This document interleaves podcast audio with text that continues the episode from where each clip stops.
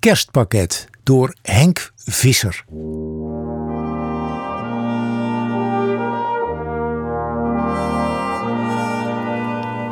Weer december en weer december weer. Ook weer de uitreiking van de kerstpakketten.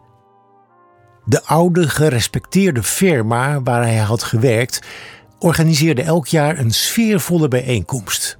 Kerstmuziek en chocolademelk in de grote hal van het oude kantoor.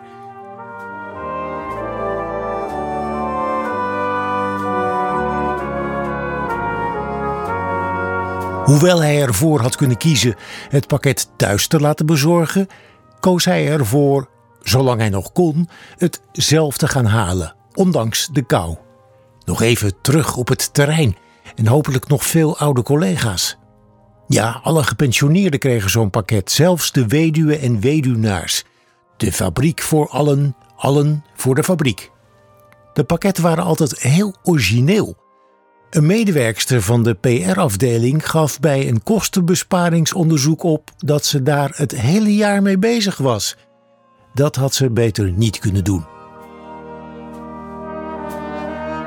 Hoewel hij een eind van het bedrijf woonde, koos hij er steeds voor om op de fiets te gaan. Telkens weer, weer of geen weer. De enigszins vochtig aanvoelende warme lucht deed zijn bril beslaan toen hij de hal binnenliep. Hij ontwaarde desondanks alweer vele ex-collega's.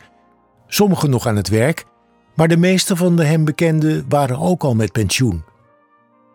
Hij zong nog steeds in een koor, maar de muziek hier was helaas niet van Bach. Geen Weihnachtsoratorium, waarin hij ooit had meegezongen, meer de Christmas Song. Beter ook, Bach zou in de drukte verzopen zijn.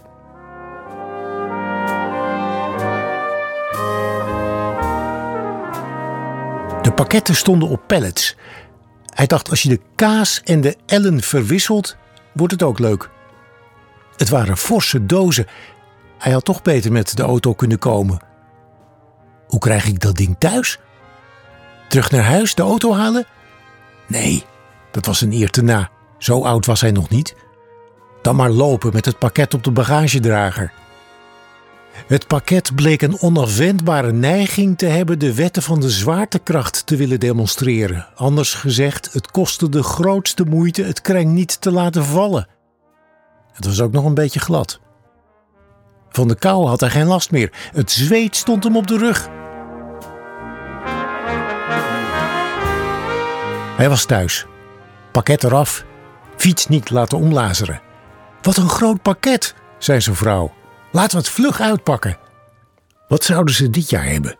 Het papier vloog eraf. De doos werd opengerukt. Wat enig, zei zijn vrouw. Die fietstassen had je nou net nodig.